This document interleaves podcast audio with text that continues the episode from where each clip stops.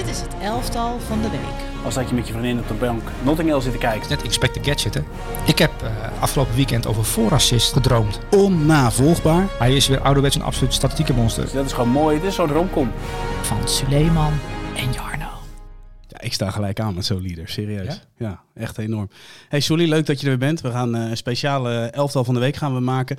Met uh, spelers die uitblonken in de eerste twee speelrondes van het WK. Maar voordat wij beginnen met het voetbal, um, even korte vraag aan jou. Mag ik nog steeds jij zeggen of is het nu u? Uh, je deelt op uh, dat weergaloze succes van mij op televisie, bedoel je? Of, ja, voor het miljoenen publiek. 3 miljoen kijkers, ja. Uh, kijkcijferrecord die avond, hè? De appt de, de presentator maar een dag later. Dus ja, dat, dat begrijp ik ergens wel. Vandaar ook mijn vraag. Mag ik gewoon toetwaaieren? ja, ik ben heel gewoon gebleven en, en, en ik was al heel normaal. Maar leuke vraag. Ja, nee, nee, je mag voor mij alles zeggen wat je wil. Okay. Blijf, doe gewoon zoals je altijd doet. Nou, heel fijn. Volgende vraag. Zelf. Ja, volgende vraag. Ook niet onbelangrijk. Kan jij tegenwoordig de auto voor de deur parkeren? dat deed ik altijd al. Maar, ja, maar jij gaf zelf bij mij aan dat zie je in de straat weten ze niet wie Suleiman stuk is. Oh, Omdat ze niet manier. op YouTube kijken. En nu ja. misschien wel dat ze denken, hé, hey, dit is toch de man van de NOS. Ik hou het plekje vrij voor hem. Nou, ik heb nog niet het, uh, het effect op straat uh, uh, aan de lijve ondervonden. Want ja, je, je, ik ben natuurlijk bij zijn uitzending geweest en dan rijd ik naar huis. Ik ben om één uur s'nachts thuis.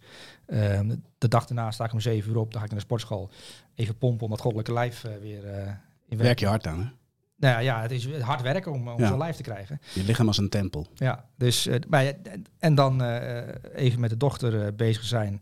En dan trek ik me terug in, in, mijn voetbalkamer. En dan ga ik, ga ik die wedstrijden kijken vanaf 11 uur. En dan moet ik ondertussen ook nog stukjes over tikken. Hè, soms. Ik moet ook af en toe een column tikken, ja. verhaal tikken. Dus tussendoor ben ik ook nog bezig. Ehm, dan ja, moet, je, moet je lunchen, je moet avondeten tussendoor. Uh, de avondwedstrijd is rond een uur of tien afgelopen. Dan kijk je nog wat nabeschouwingen op de Belgische zender, omdat je de Belgische leed uh, graag uh, van dichtbij wil meemaken. Zeker. Weet je, hoe ze, wat ze er allemaal van vinden. Ehm, en zo kabbel je dagen voor. Dus ik heb eigenlijk geen daglicht gezien de afgelopen twee weken. Nee. Dus of ik mijn auto voor de deur kan parkeren, ja, dat, dat effect gaan we nog merken. Maar ik denk het wel, want um, nou, hoe, hoeveel jaar maken wij al video's en, en, en podcast en hoe, hoeveel, hoeveel jaar is dat al? Uh, dat is een jaar of 7, 8. Dus we zijn al 7, 8 jaar bezig met, uh, met onder andere die YouTube-filmpjes. En sommige worden er best veel bekeken. Weet je wel, dan denk je van 150.000, nou lekker, of 200.000, uh, 143.000 abonnees. Um, en dan merk je wel wat het effect is van één zondagavond en 3 miljoen kijkers. Want mijn telefoon, ja, je hebt zo'n batterij. en ik moet dan vanuit Hilversum natuurlijk terug. Ja. Uh, het is donker, een beetje mistig. En ja, als zo'n telefoon ontploft, en hij ontplofte letterlijk met, met echt honderden, uiteindelijk duizenden uh, berichten.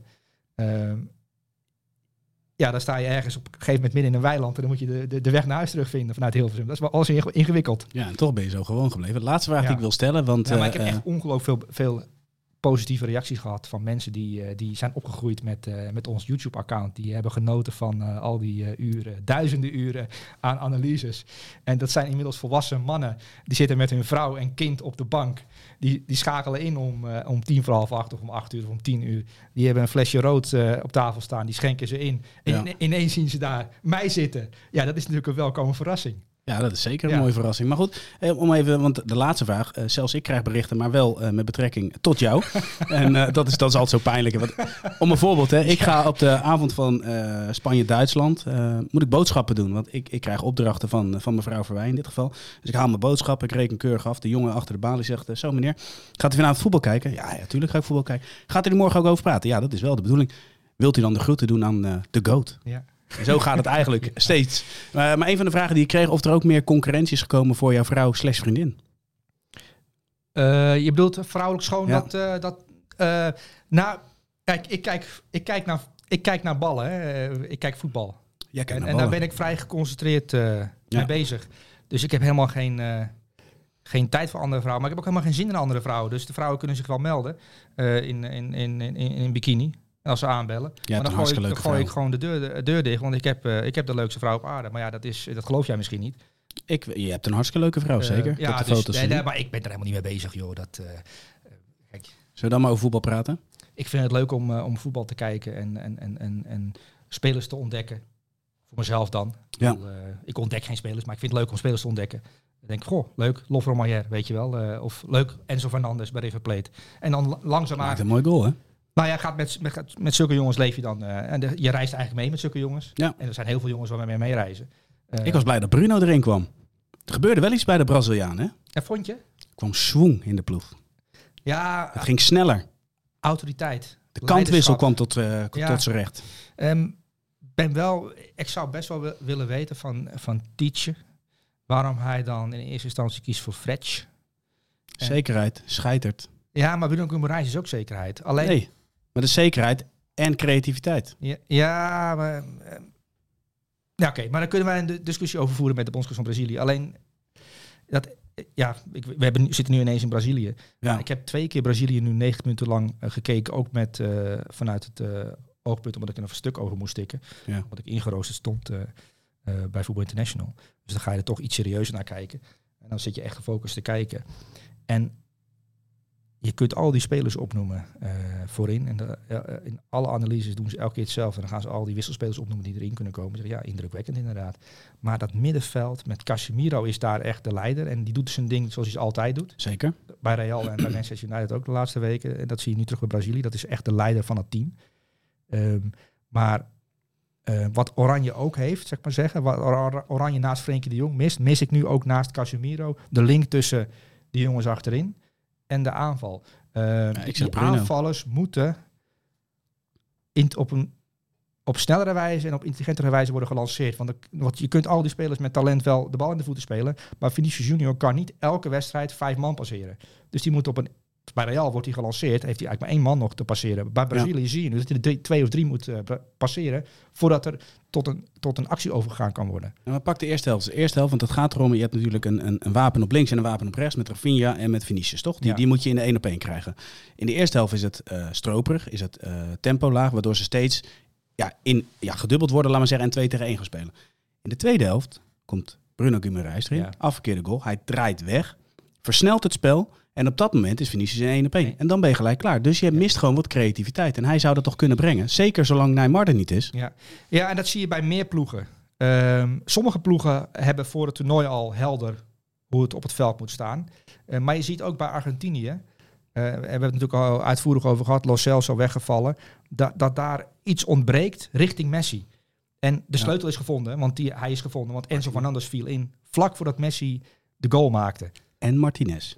Ja, Martinez ook, klopt. Maar ga door. Je hebt gelijk. Voor, ehm, voordat hij inviel, ja, Messi probeert het wel en, en, en, en, en hij maakt al die 2-0. eh, Enzo Fernandes, die schiet ik geweldig binnen. En dan denk je, goh, wat een eh, leuke aanvallende voetballer is het. Maar het is vooral iemand die het tempo van de wedstrijd aanvoelt, die, eh, en die ook een bepaald soort leiderschap heeft. Het is een vrij jonge jongen, Ja. maar hij is niet bang om in een stadion van 80.000 man de bal in zijn voeten te vragen. Kom maar hier, ik regel het wel. Want dat had hij op zijn vijfde al. Dat, dat, ja, dat temperament eigenlijk. Dat, dat, dat, eh, die autoriteit. Ja, dat ik is- denk dat Enzo Fernandes voor de Argentijnen het verschil gaat maken tussen wel of niet wereldkampioen worden. En het gaat, er, het gaat er dan om of de jongen dit niveau en zo'n WK-spanning, of hij dat al aan kan, of het wel of niet gaat lukken. Want je gaat natuurlijk uiteindelijk tegen Frankrijk of Brazilië uitkomen, of tegen Oranje. Ja. Ehm, en dan moet het verschil gemaakt worden. En dan moet zo'n jongen er staan. En hij is natuurlijk nog piepjong. Uh, maar ik denk dat Enzo Fernandes bij Argentinië de sleutel kan zijn. En, en bij Brazilië, uh, ja, dus, uh, denk ik Bruno Guimaraes. En ik denk niet dat Fred het verschil gaat maken. Nee, nee. Overigens, Casemiro staat niet in jouw elftal, maar staat wel in de top drie van spelers met de hoogste beoordeling. De beoordeling die ook door jou zijn gedaan. Dus, ik heb hem een keer een 9 gegeven en een keer een 8. Ja, dus kom je op een mooi cijfer uit. Maar Casemiro, daar hebben wij natuurlijk heel vaak over gehad. Um, Casemiro kan lelijk voetballen en hij kan mooi voetballen. Hij kan lelijk voetballen, uh, hij kan simpel voetballen en hij kan ingewikkeld voetballen. Uh, dus hij past zich eigenlijk aan aan de wedstrijd. Oké, okay, we staan 2-0 voor, dan zorg ik ervoor dat we op 2-0 blijven voorstaan. Komt allemaal goed. Ja. Ik pas me wel aan, ik ben Braziliaan, maar ik hoef niet te laten zien hoe goed ik ben. Uh, het staat 0-0, er is een doelpunt afgekeurd. Weet je wat, ik trek mee naar voren. Uh, ik, heb ook, ik kan ook wel zo'n bal binnenschieten. Ik ram hem wel even binnen, jongens. Komt goed. We hebben gewonnen. We zijn door naar de volgende ronde. Bedankt me later. Dus hij kan ongelooflijk goed aanvoelen wat een wedstrijd nodig heeft. Bij Real heeft hij natuurlijk ook heel veel belangrijke goals gemaakt. Hij maakt nooit onbelangrijke goals. Want bij 4-0 gaat hij niet zich uitsloven. Dan, dan Nee. laat, laat die artiest het maar uitzoeken. Uh, maar bij 0-0 hij het heft in handen. En dat vind ik wel een belangrijke kwaliteit. Dat je denkt, oké, hij kan dus na gelang de situatie het spel zodanig aanvoelen en lezen dat hij eigenlijk transformeert als voetballer. Dat vind ik interessant om te zien. En Dus eigenlijk zeg je, hij gaat van momenten naar dienend, van dienend naar dragend. ja, dat is toch knap. Ja, dat is Dat zeker überhaupt kan. Dus, Ja. dus hij, hij kan eigenlijk veel beter voetballen dan we misschien met z'n allen denken. En dat is ook elke keer wat blijkt. Want er zijn trainers geweest die, die kijken zo'n wedstrijd terug, zoals jij dat natuurlijk ook wel eens doet. En dan ga je letten op uh, Casemiro en denk je, verdomd, de grote kracht van deze ploeg is helemaal niet die nummer 8. Dat is die, dat is die schopper. Dat is, Ja. dat, dat is die 6. of, of die cinco, zoals ze in eh, Zuid-Amerika zeggen. Dat is die 5 die daar loopt. Want hij maakt eigenlijk het hele spel. Je moet mandekking op hem zetten, want dan haal je de angel uit het spel. Ja. En dat hebben een aantal trainers gedaan. En dan zie je dat het lastig wordt. Dus ik ben wel benieuwd wanneer dat gaat gebeuren. En ik weet welke ploeg het kan. Er is één ploeg die dit Brazilië kan lamleggen. En dan gaat... Nou, je weet wie ik bedoel. Je weet Frankrijk. Ja, Frankrijk. Ja, Frankrijk tuurlijk. legt dit Brazilië gewoon lam. Ja, Frankrijk is de beste ploeg. Eh, hele la- laatste zijsprong. dat zeg jij zo, dat, dat, we- dat weten we natuurlijk niet. Nou, dat is mijn bescheiden Dat mening. Maar goed, daar kunnen we het straks nog over hebben. Ik heb ooit eh, veel geld verdiend doordat jij zei... Dus Frankrijk kan met zes teams wereldkampioen Ja. worden. Ik heb hem gewoon als winnaar. Nou ja, jij deed dat niet. Nou ja, Ja, ik, eh, ik doe nooit aan, eh aan, aan, aan voetbaltoto's. Ik heb ook nu dit jaar ook niet meegedaan. Ik wil Nee. ontspannen, rustig kijken. en, eh, ik geniet van Mbappé, ik geniet van uh, Vinicius, ik geniet van heel veel voetballers. Helemaal gelijk. Zullen we nu het elftal eens bijpakken? Ik, ik vind Ja. trouwens wel... ehm, keepers.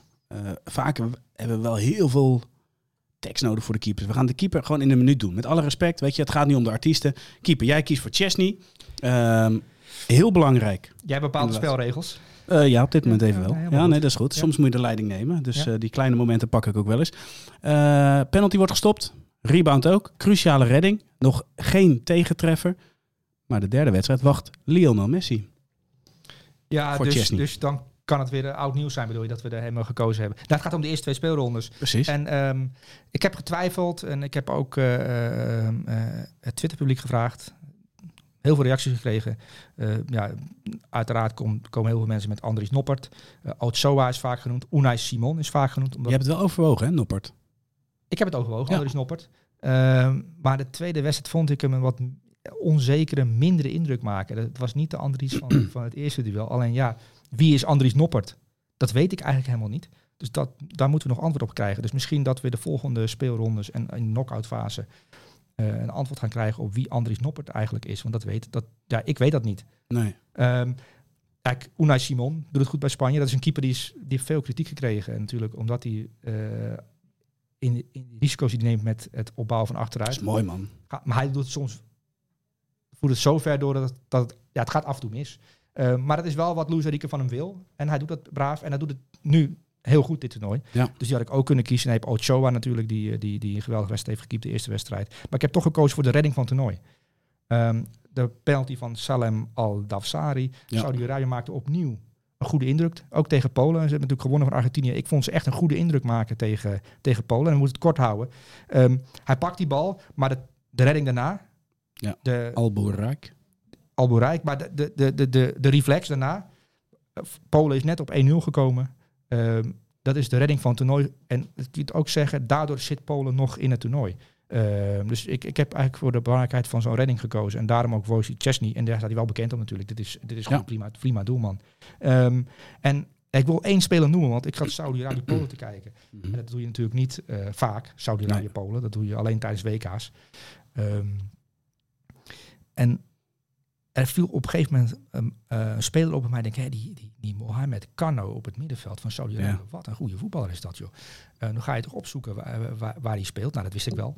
Ehm, maar ik kon geen gegevens vinden. Ik denk, hé, waar- waarom zijn er gegevens van die jongen beschikbaar? Blijkt die al sinds april geschorst te zijn.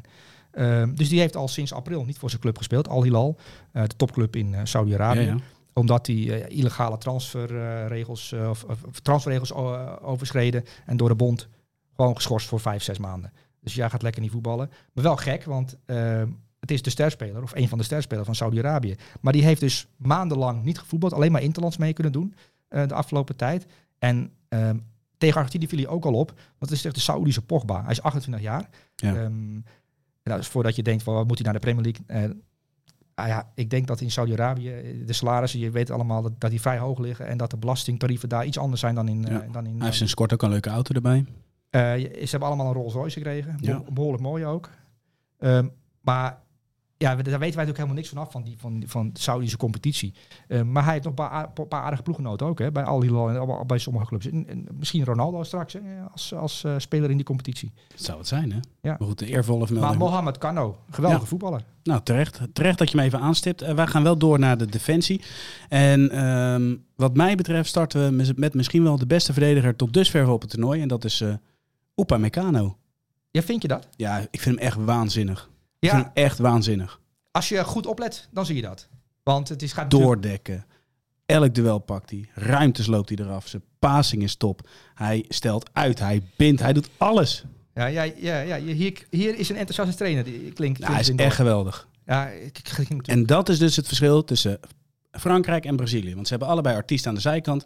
Maar de achterhoede en de, nou ja, Chouameni, Casemiro, daarvan kun je zeggen, oké, dat, dat gaat dan richting Casemiro. Maar de achterhoede van Frankrijk, beter. Ehm, voor uh, Upamecano heb jij eigenlijk heel kort samengevat wat, waarom hij erin staat. Want het, Oh, sorry. Nee, maar ik, wil ook enthousiast. nog iets. Nee, helemaal niet, want het is top. Dat, ik- ik vind dat die bijdrage, ik vind dat jij ook als trainer eh, dat soort bijdragers mag leveren. Ik bedoel, anders kom ik zoveel aan het woord. Eh, dus dat gun ik jou ook. Oké. Eh, maar ik wilde iets zeggen over Chouameni, want die noem jij nu. En eh, ehm, mijn oog viel ook tijdens eh, de tweede wedstrijd van Frankrijk op Chouameni. En ja, ik dacht, goh, heb ik die jongen nou al een foute paas zien spelen? Ik denk, nou, ik denk het niet, weet je wel. dacht ik na minuut, minuut 40. Na minuut 50 dacht ik nog steeds. En na minuut 60 dacht ik het nog steeds. Dus ik, dan, ik heb van die website natuurlijk, hè, daar kun je opzoeken eh, hoeveel passes hij heeft verstuurd en hoeveel foute passes. Ehm, ik dacht nul. En iets, ik klik die site zo open, tak. 68 passes. 68 aangekomen. Jeetje mina, zegt die Chouameni, dat is toch ook een jongen die, die, die is zijn eerste WK. Ja. Ehm, die, die is er ingekomen omdat Kante niet eh, mee kan doen en de Pogba natuurlijk gebaseerd is. Eh, die staat dan op het middenveld daar.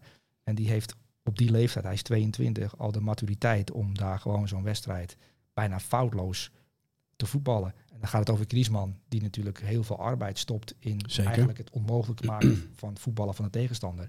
Dat is een spits die, die nu een soort halve middenvelder is geworden. Ehm, een soort luxe Davy Klaassen. Was Davy Klaassen maar zo goed. Ehm, en dan ga je zitten kijken en dan denk je, die Mbappé, jeetje man, die snelheid. pff, dat, dat is, daar zijn echt alle bondscoaches doodsbang voor. Voor Kylian Mbappé. Maar ook in combinatie met, ja, je noemde net uh, Upamecano, die, eh, ja, die verdedigend natuurlijk goed is. En, en, en ook bij Bayern München heeft geleerd om vooruit te denken. En eh, ja, breaking the lines heet dat geloof ik in het Engels. Maar Ja. hoe noemen we dat in het Nederlands? Nou, gewoon linies doorbreken. Wat hij Ja. doet is eigenlijk gewoon Ja. niet zozeer eh, een, een verdediger of een middenvelder, maar zelfs nog een linie verder kijken. Ja. En dat zie je wel Dat terug. heeft hij geleerd bij eh, Bayern München. Want eh, bij Bayern München heb je natuurlijk in de rust al de videoanalyse van Nagelsman. En, en, en ja, Upamecano heeft dat natuurlijk in het begin, durfde hij dat niet. Dan, dan lag er ruimte en dan zei Nagelsman met zo'n pen. Ja, maar zie je dat niet? Je kan hier gewoon twee linies doorbreken. Bam, paas die bal gewoon daarheen. Ja, mooi is dat, hè? En Dit is, dit Want jij is hebt het over basis, hè? Ja. Upamecano had 115 pases. Daarvan komt 95% aan. Ongelooflijk. Toen ging ik op zoek naar die foute paas. Dat, dat, dat ben ik dan benieuwd. Wat Ja. is dan de keuze die hij maakt? Als die paas was gelukt, Soelie, Ja, was het een wereldbal geweest. Dat is een bal, maar hij wordt onder druk gezet. Hij wacht tot hij aangevallen wordt. En hij speelt hem keihard naar Theo. Die komt ja, net niet aan. Als ook- aankomt, Theo. is hij erdoor. En als Theo erdoor is, dan weet je het toch? Ja. Ja, die linkerflank, ja, we hebben het over Kylian Mbappé, maar je hebt ook nog Theo Hernandez. En de, eh, Lucas Hernandez speelde daar natuurlijk, omdat uh, Didier Deschamps denkt, ja, ik vind Theo, dat is wel risicovol, weet je wel. Dat is wel een beetje, dat, die kan opeens een rode kaart Ja. pakken. Die kan ook soms iets te aanvallend staan. We hebben Kylian Mbappé, dat komt wel goed met ons. Ehm, met Upamecano, die normaal gesproken niet in de basis had gestaan, hè, die, die heeft echt wel voor zijn plaats moeten vechten dit jaar. Ehm, en die, ging, eh, die heeft ook veel kritiek eh, gekregen. Ook, want eh Varaan is natuurlijk de, de man achterin. En die is net op tijd fit geraakt. En wie moet de partner van Varaan worden? En Upamecano stond in het veld toen ze eraf gingen tegen Denemarken in de Nations League. En toen kreeg Ja. Upamecano veel kritiek. Maar je ziet dat hij ook het afgelopen half jaar bij Bayern München vertrouwen heeft getankt. Want hij speelt ook bij Bayern München natuurlijk relatief veel. Ook al hebben ze Matthijs de Ligt gehaald. Ehm, en hij is beter aan het worden. Het is nog steeds een jonge jongen. Ja. Ehm, die, die fysiek heel veel heeft. Hij kan met enorme ruimtes in zijn rug spelen, omdat hij fysiek heel veel heeft. Eh, maar hij is nu ook een intelligentere verdediger geworden. En ik vind het wel leuk dat jij zo'n foute, foute paas eruit haalt. Ja, daar ben ik benieuwd Want het is naar. wel leuk om nu met dat oog eigenlijk naar Frankrijk te kijken. We, we, kijken allemaal naar Griezmann eh, en Giroud Ja. en Mbappé en Theo eh, en Chouameni. Maar Rabiot vind ik trouwens ook goed. Maar ga ja, door. ja, Rabiot. Ja, we noemen al nu al vijf, zes spelers die eigenlijk in vorm zijn en een functie, een, functie hebben in het elftal. Ja, Ehm, en dan heb je ook nu nog Upamecano, die in Frankrijk ook, eh, want ik heb het even gecheckt of we wel niet als, uit ons nek aan aan het lullen zijn, ehm, ook in Frankrijk hoge cijfers gekregen. Ik geloof in L'Equipe ook een 8,5. Nou, als je de 8,5 krijgt, dan heb je echt goed, goede wedstrijd gespeeld. Ehm, of goede wedstrijden gespeeld. Hij was ook goed in de eerste wedstrijd van Frankrijk. Ehm, maar er zijn nog wat jongens in vorm. Alleen de respectpositie. hè. Pavard is eruit gegaan en er is Koundé voor gekomen. Ja. Dat is nog een beetje zoeken. Dat is misschien de zwakke plek. ja, toch vind ik het een upgrade tot nu toe. Ja, dus tuurlijk. Dus ze worden Ja. beter. En dat is ook de bedoeling in een toernooi, dat je, dat je beter wordt. Ja. Maar Frankrijk heeft op mij eh, echt geweldig indruk gemaakt eh, tot nu toe. Mooi man. Ja. Uitstekend. Zullen we doorgaan naar de volgende speler? We gaan trouwens eh kriskras door het hele elftal heen. Want eh, de volgende die we hebben is eh, Jordi Alba. Jordi linksback van Spanje en Barcelona. Ja, die speelde ook vrijwel een foutloze wedstrijd. Ja. Nou, kijk, Spanje speelt natuurlijk de perfecte driehoekjes. Hè. De, de veldbezetting van Spanje is misschien wel het best. Ehm, heel vast. In Ja. balbezit zijn ze heel vast. En de kritiek is terecht. Ehm, de bal gaat wel rond. Ehm, dan komen ze bij de 16. En dan gaat die bal eigenlijk nog een keer rond. En nog een keer rond. En nog een keer rond. En wanneer wordt er nou eens afgerond? Nou, tegen Costa Rica ging dat goed. Ja. Scoorden ze zeven keer. Duitsland, op het oog was Spanje beter. Zeker de eerste helft. Alleen in- na een omzetting van Duitsland in de tweede helft had Spanje iets meer moeite om onder de druk van Duitsland uit te voetballen. En ook Leroy Sané beteugelen is ook een klus. Ja, Dus absoluut. Ging, werd het echt een hele leuke wedstrijd in die, in die eh, tweede helft. Ehm, maar Jordi Alba is natuurlijk wel veel kritiek op geweest. En bij Barcelona is hij natuurlijk ingehaald door uh, Balde.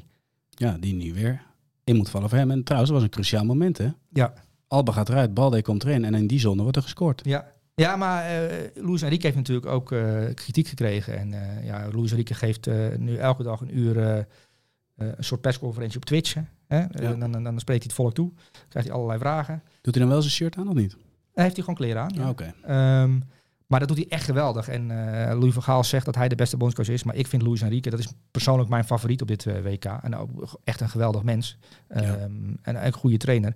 Maar die neemt het ook echt op voor zijn spelers. Maar hij heeft gekozen voor ja, Barcelona, kun je zeggen. Want eh, ja, je hebt Barcelona middenveld. Je hebt Ferran Torres voorin. Ja. hebt achterin eh, twee jongens die bij City eh, spelen. Dat is ook Barcelona. Hè, dat is Guardiola. Dat, die, dat is een bepaald systeem, een bepaalde denkwijze. Eh, driehoekjes. Als je ziet 1050 passes tegen Costa Rica. Dat gaat nergens over. Ook tegen Duitsland eerste half uur in balbezit. Ja. Geweldig. Is dan de driehoek eh, Alba, Olmo, Pedri, dat is de mooiste driehoek? Nou, dat is, dat is een geweldige driehoek. En als Ja. die, als die eh, eh, erin zitten en de druk van de tegenstander of de veldbezetting van de tegenstander klopt niet, heb je een probleem. Ja. Ehm, en dat, is, eh, ja, ik vind hem echt een hele sterke indruk maken. Dit Hoe groot is dat probleem dan, Soelie? Want we hebben allebei die wedstrijd gekeken. En als je Mhm. naar die wedstrijd kijkt, dan, dan zeg je zonder twijfel? Spanje-Duitsland. Oh, ja, Die hebben we allebei gezien. En dan zeg je zonder enige twijfel Spanje was beter. Maar puur naar de feiten kijkend, Betere Duitsland kansen. heeft meer kansen. Betere kansen. En dat is ook, we gaan aan het einde van de uitzending gaan we kiezen tussen een geweldige middenvelder van Spanje en een geweldige middenvelder Ja. van Duitsland. Gaan we Bas inbellen, want ja, misschien hebben we wel ja, een, een, ja, een derde stem nodig. Wie zal het zeggen? Daar gaan we het later over hebben. Maar is dat wel het probleem van Spanje? Dus ehm, geweldig positiespel, met afstand het beste van het hele toernooi. Maar de doelgerichtheid ontbreekt. Nou, ik Is dat weet, te kort door de ik bocht? Weet, ja, dat vind ik wel te kort door de bocht. Of het doelgerichtheid ontbreekt. Want Duitsland op die manier onder druk krijgen vind ik al eh, knap. Dat gaat niet heel veel ploegen lukken. Want Duitsland is zo'n ploeg. Die moet je niet in toernooi laten groeien. Nee. Eh, want Leroy Sané, dat half uur, dat was wel indrukwekkend. Dus stel je voor dat hij eh, wel eh, eh, lekker inkomt en met Musiala gaat swingen. Want over Musiala moeten we het nog even hebben misschien. Aan het einde van de uitzending. Misschien aan het eind van de uitzending. Ehm, maar ik ben eigenlijk je vraag helemaal kwijt nu. Oh, Doelgerichtheid. nou, je hebt natuurlijk Asensio. eh, Ja. die, die als een soort van verre planeet los is gezongen van eigen positiespel. Want die doet helemaal niet mee met het positiespel. Nee. Maar die heeft wel een functie. Je ziet dat hij een functie heeft, dat Luis hem heeft verteld. Je, je, je moet ruimtes creëren voor lopende mensen. En de lopende mensen zijn Olmo en aan de andere kant eh Ferran Torres. Ferran Torres. Alleen Ferran Torres, Dani Olmo en Asensio, dat zijn, dat zijn spelers die kunnen ook een wedstrijd overslaan. En als zij, Mhm. eh, en, en misschien heb je het ook te maken met niveau. Dani Olmo is geen Kylian Mbappé. Eh Ferran Torres is geen Ousmane Dembele. Eh, sterker nog, Ousmane Dembele krijgt de voorkeur bij Barcelona boven Ferran Torres. Dus de, de, de, de aanval van Spanje is eigenlijk gemankeerd. Ja. Ehm, dus tot aan de laatste 30, 20 meter is Spanje de beste ploeg van het WK. Eh, alleen voorin heb- hebben ze de, missen ze kwaliteit. Ze missen gewoon kwaliteit voorin. En, en daarom is het voor Spanje een lastige klus om wereldkampioen te worden.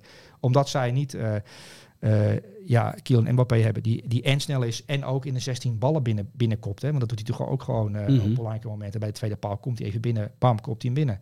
Ehm, dat zie ik Dani Olmo eh, of Ferran Torres niet doen. Want die, dat is geen superklasse. Dat zijn goede voetballers, maar niet van superklasse.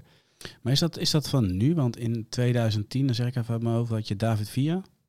Had je, eh, wie had je in de spits Maar staan? ook toen, ook in 2010, Geen topaanval, toch? nou, ook toen hadden ze moeite met scoren en was het vaak 1-0 natuurlijk. En het, Ja. de bal gaat rond en als tegenstander heb je echt te lijden. Ik zat eh, met, natuurlijk met Rafa van der Vaart en Ibrahim Afellay eh, bij de NOS eh, op zondagavond. En toen ging het ook over die finale van 2010, we hadden het over P3 en we kwamen uiteindelijk bij Iniesta terecht. En hoe, ver, in hoeverre lijken ze op elkaar. En dat vond ik wel leuk dat Van der Vaart, die, die was niet snel onder de indruk van spelers, maar die hield wel een mooi verhaal over Iniesta. Hij zei, ja, daar was ik echt zo- soort, eigenlijk wel een beetje bang voor. Die was zo ongelooflijk goed. Mensen snappen niet hoe goed hij is.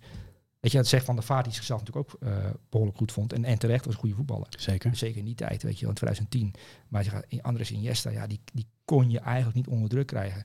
Ehm, Maar Van der Vaart denkt vaak andersom, toch? Die denkt niet zozeer van onder druk krijgen, maar die, die praat altijd vanuit balbezit. Het is een liefhebber, toch? ja, maar hij is, als hij... Was Nederland daar niet goed genoeg voor? Ehm, nou, eh, hij- vertelde mij dat ze, het, dat ze het gevoel hadden dat ze het toernooi konden winnen, behalve als ze tegen Spanje moesten. Dat hadden ze al van tevoren. Dat Nederland, eh, dat, dat die spelers eh, onderling, de Snijder en Van der Vaart, en hij zei met hem van ja, wij hadden echt het gevoel, we kunnen van iedereen winnen.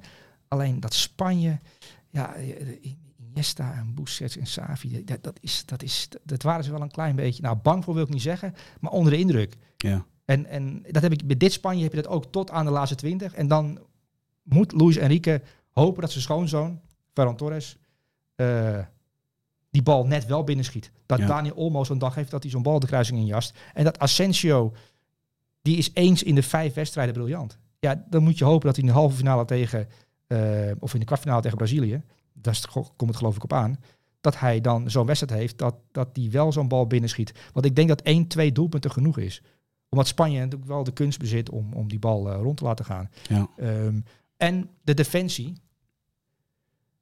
of die Mbappé-proef is. Dat weet je pas als je Frankrijk... eh, want dat is natuurlijk... Elke defensie eh, moet de Mbappé-test doorstaan als je Mbappé treft. Want dat is ook in 2018 zo geweest. Argentinië had het WK kunnen winnen. Eh, met die ploeg, met die slechte ploeg. Alleen ja, ze waren niet Mbappé-proef. Ehm, dus dat is, dat is de, het grote vraagteken. Interessant. Zullen we doorgaan? Interessant? Ja, heel interessant. Zullen we doorgaan naar de volgende speler? Want anders wordt het een soort zomergasten. Eh, waar ik trouwens geen probleem mee heb hoor. Maar dat, eh Ja. dat eh, Ik ben terzijde. al lang blij, want ik, ik, ik moest bij de NOS in, drie in, in 30 seconden mijn verhaal doen.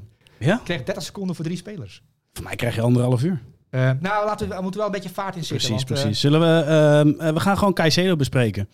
Caicedo is een, een speler die bij Brighton zit, die natuurlijk al eerder besproken is. Volgens mij heeft hij nog niet in elftal staan, maar hij is wel vaker besproken. Toen hebben we andere spelers gekozen, maar Brighton is natuurlijk sowieso ja, een mooi elftal waar diverse goede spelers mee, waaronder dus Caicedo. Ehm, ik ging beelden terugkijken en Caicedo is een speler die goed is in de duels. mhm. Die eh, comfortabel is aan de bal. Maar het grappige is, hij speelt geen duels. Want hij is elk duel is die voor. Ja, de timing van de balverovering bij hem, die Ja. valt op. Dat je denkt, ook hij zit ertussen. Maar hij raakt je eigenlijk niet aan. Het is een soort Nee. van, eh, van, van, van onzichtbare schaduw achter jou, die jou elke keer in de maling neemt. Want je denkt, Timber denkt, laten we het over het moment hebben van Oranje. hè, Ja, het moment. Timber denkt, deze kan ik lekker, ik kan lekker wegdraaien hier. Ik heb ruimte, ik heb een meter. Hij had, een, hij had ook een meter. Maar je zag hem kijken, hè? Ja, hij had van tevoren al gecheckt. Die Timber denkt dat hij een meter heeft. Timber denkt, ik heb een meter. Daar zit een verschil in. Ja. Ehm, en bam, ja, en dat is wat Kante ook goed kon. Die kon dus een tegenstander het gevoel geven, ik kan hier wegdraaien. Maar dan moet je op voorbereid zijn. Dus Timber had moeten weten, Caicedo zat op een meter. Hij weet dat ik ga draaien, maar hij weet ook, hij kan hem ook gaan pakken. En, en, en, En dan is hij alleen, vlijmscherp. alleen de echt grote voetballers kunnen Caicedo dan eh, Zidane, Cruyff, Pelé, Mbappé. Frenkie de Jong. Frenkie de Jong in goede vorm. Want dat moet dit WK ook nog. eh, die moet wel in, in, in, een lekker ritme komen. Ja. Die, moet, die moet erin komen. Ehm, maar de grote voetballers kunnen zo'n Caicedo dan eh, ja, in de lucht laten happen. Maar als je niet voorbereid bent voor Moses Caicedo eh, en, die, en zijn onzichtbare schaduw, dan ga je eraan. En dat is ook in de Premier League al een aantal keer gebreken bij Brighton. Want Brighton doet het natuurlijk geweldig. En er is natuurlijk die de Serbië als trainer en de speler van de. Maar het is wel lekker dat je eh, een, een geheime code in je elftal hebt. En dat is dan Moses Caicedo. Want als je die opstelt, weet je zeker. Tegenstanders onderschatten al. Als je een meter hebt, denk je, oh, dat komt wel goed. Nee, dat komt niet goed. Want Moses Caicedo, die, die, die weet dat jij een meter hebt. Dat jij dat denkt. Ja. En dan pakt je. Nou, mooi speler. Net als die Estipunian. Ook zo'n goede speler. Ja, daar zit een bepaalde drijf en power Ja. in. Dat is natuurlijk ook al gebleken. Ehm, ja, en als je daar niet op voorbereid bent. En je denkt van we gaan lekker positiespel spelen. En je bent niet voorbereid op, op, op, eh, op die kracht en op die intensiteit. Dan eh, ga je, de, dat is dit WK wel gebleken. Dan, eh, dan ga je de bietenbrug op. Ja, dat is zeker een wiet. Lekker hoor. Heerlijk spreekwoord. Ja, ja, ja, uitstekend, uitstekend. Heb je dit geoefend ook of niet? Want je Nee, moet nee, het allemaal kort en compact houden. komt ineens de bietenbrug in mijn hoofd. Ben Bietenbrug. je ook wel van de Hollandse kost Nee, helemaal niet zelfs. Dus, nou, ik hou wel van een stampotje. Wat is je favoriete stampot? En, en nou, als er dan een kuiltje in zit met een beetje jus en er zo'n gehaktbal erin gelegd, weet je wel. Dat is lekker hè? Maar mijn vrouw is van de stampotten, dus die maakt die eh, regelmatig. Ja. Maar die maakt alle stampot ook. Andijvie-stamp, nou, rustpot, ik, eh, eh, boerenkool. ja, maar ik ben allergisch voor sommige, sommige zaken, dus dan, die, die, die stampot eet ik dan niet. Maar de, de stampotten die, ik- die ik mag, die eet ik. Oké, uitstekend. Zullen we de volgende speler gaan bespreken? We gaan weer even, want het middenveld Ja. heeft ook creativiteit nodig. Je hebt, Ja. wat, zei je Van Gaal? Eh, je- mi- ja, minimaal drie, maximaal vier creatieve spelers. Nou, eh, Moeten we nu maar weer een creatieve doen, toch? Zullen we Griezmann bespreken? ja. De nummer 10 die gaat zwerven naar de zijkant. Die Ja. paast, werkt. En steeds Mbappé ook weet te vinden. Ja, kijk, in 2018, ehm, de grote kracht van Frankrijk was ook eh, de grote kracht van Griezmann in die ploeg. Ehm, het ging niet om doelpunten. Het gaat om wat hij doet zonder bal. Eigenlijk is wat, wat Griezmann zonder bal doet, jij hebt het over creativiteit, eh, kun je creatief zijn zonder bal. Ja. Ja? Tuurlijk, hij kan toch... eh, nou ja, ik, ik weet wel wat je bedoelt. Dat die Stroms, laat maar zeggen, uitzakt om een ruimte te creëren. Bijvoorbeeld voor Dembele, die aan de binnenkant komt. Als je dat ziet en je kan dat lezen, ja, dan vind ik dat je creatief bent, ja. Ja, hij kan ruimtes lezen. Dat is ook creativiteit. Ja? Dus hij kan alles om zich heen, eh, bewegingen lezen. Ehm, en hij heeft ook nog eens ehm, de kracht, maar ook de mentaliteit. En, en hij heeft een bepaald knop ingedrukt. Oké, deze wedstrijd. eh, je kan ook vier keer naar de 16 rennen en hopen dat er een balletje in je voeten valt. Dat jij de grote man bent en dat je doelpunt maakt. Maar daar is hij niet mee bezig. Hij is bezig met wat als we de bal verliezen. Wat als ik de bal zal krijgen? Waar moet ik dan staan om een ander te kunnen lanceren? Hoe kan Mbappé het best tot zijn recht komen? Hoe komt Mbappé, Dembele het best tot terecht? En Giroud heeft dezelfde, ja, ik noem dat collectieve kracht. Dus hij voegt team toe aan het team. Dat heeft Giroud. Dat heeft Griezmann dus ook. En we hebben net ook Upamecano genoemd. We hebben Theo eh, Hernandez genoemd. En je, je noemt Chouameni en Rabiot die, die op zijn manier aan de bal eh, in de Frenkie de Jong rol als verbinder tussen alle elementen. Goed, man. Ja, goed. We, zijn, we hebben nu al negen spelers van Frankrijk die goed zijn. Ja. Dat komt omdat daar een Maar trainer ze worden ook wereldkampioen. Ja, dat, eh, ik, ik vrees het ook nu ik zo over zit te praten. Ik denk, ja, ze zijn wel heel goed. Je moet wel Ja. echt je best doen om ze, om, ze, om ze te verslaan. Ja, ik ben benieuwd wie de tweede wordt. Oké, je bent wel heel zeker van je zaak. Ja. Ja, ik denk toch dat, dat boven tactiek... Oh, er is natuurlijk... Je hebt tactiek en je hebt team. En boven team en tactiek zit nog iets. Dat is de magie van supertalent. Dat hebben ze ook. Nee, maar ik bedoel, eh, je hebt natuurlijk ook nog wel eens een tegenstander. En, en je hebt ook te maken met het fenomeen Messi. Argentinië is wel in staat om 90 minuten lang of 120 minuten lang met een bepaalde kracht en intensiteit weerstand te bieden aan, Argentinië, oh, van Frankrijk. En dan heb je wel te maken, eh, die bal gaat een keer in de voeten vallen van, van Lionel Messi. En dat vond ik echt een schitterend moment. Ik weet niet of je dat meegekregen hebt na aflopen, in de dagen daarna. Eh, want zo'n goal wordt natuurlijk geanalyseerd, ook in de Argentijnse media. Maar wij analyseren natuurlijk alles eh, vanuit ons. eh, Gakpo, en we hebben het over, eh, we hebben het over Van, van, Ja. van Dijk. Zij van der Vaart nog tegen jou, hè, dat je te veel voetbal kijkt. Maar ga door. Gaan we het straks over hebben. Oh, nee, ja, maar ik, ik ben dan nog geïnteresseerd in de goal van, eh, van Messi. En eh, hij werd natuurlijk eh, aangespeeld door Angel Di Maria. En Angel Di Maria ging... eh, twee dagen later heb ik een interview gelezen met Angel Di Maria. Die vertelt wat Messi nou eigenlijk verteld heeft een minuut voordat de goal viel. Ze hadden even een kleine vergadering aan de zijlijn. Oké. En eh, Lionel Messi vertelde dat hij had gezien dat als eh, de bal eh, aan de rechterzijkant eh, bij Argentinië is, als ze willen aanvallen, dat die middenvelders de neiging hebben om met z'n allen op de rand van de 16 te gaan staan. Omdat ze dan, dat is kennelijk de opdracht geweest van Tata Martino, jongens, verzamel je daar maar, maar blokkeer die 16 maar. Dat had hij dus gezien. Hij zei tegen die, die, die Maria, als jij nou aan die zijkant die bal ontvangt, sluit ik, val ik een beetje terug. Ik stop. Ik stop op een gegeven moment gewoon met rennen en heb dan twee, drie meter. Wat, je- wat zie je nou gebeuren als je dan de tactische feed pakt en je gaat van boven zitten kijken? Wat gebeurt daar? Messi staat op een gegeven moment gewoon stil. Hij, hij zet die aanval op. Hij speelt Di Maria aan, waarmee hij een minuut eerder heeft gesproken. Ja. Dus ga jij nou aan die rechterzijkant, speel maar in het midden aan. Ik sta daar vrij, want daar staat niemand. Want dat zag ik net ook al. Ik sta daar helemaal vrij.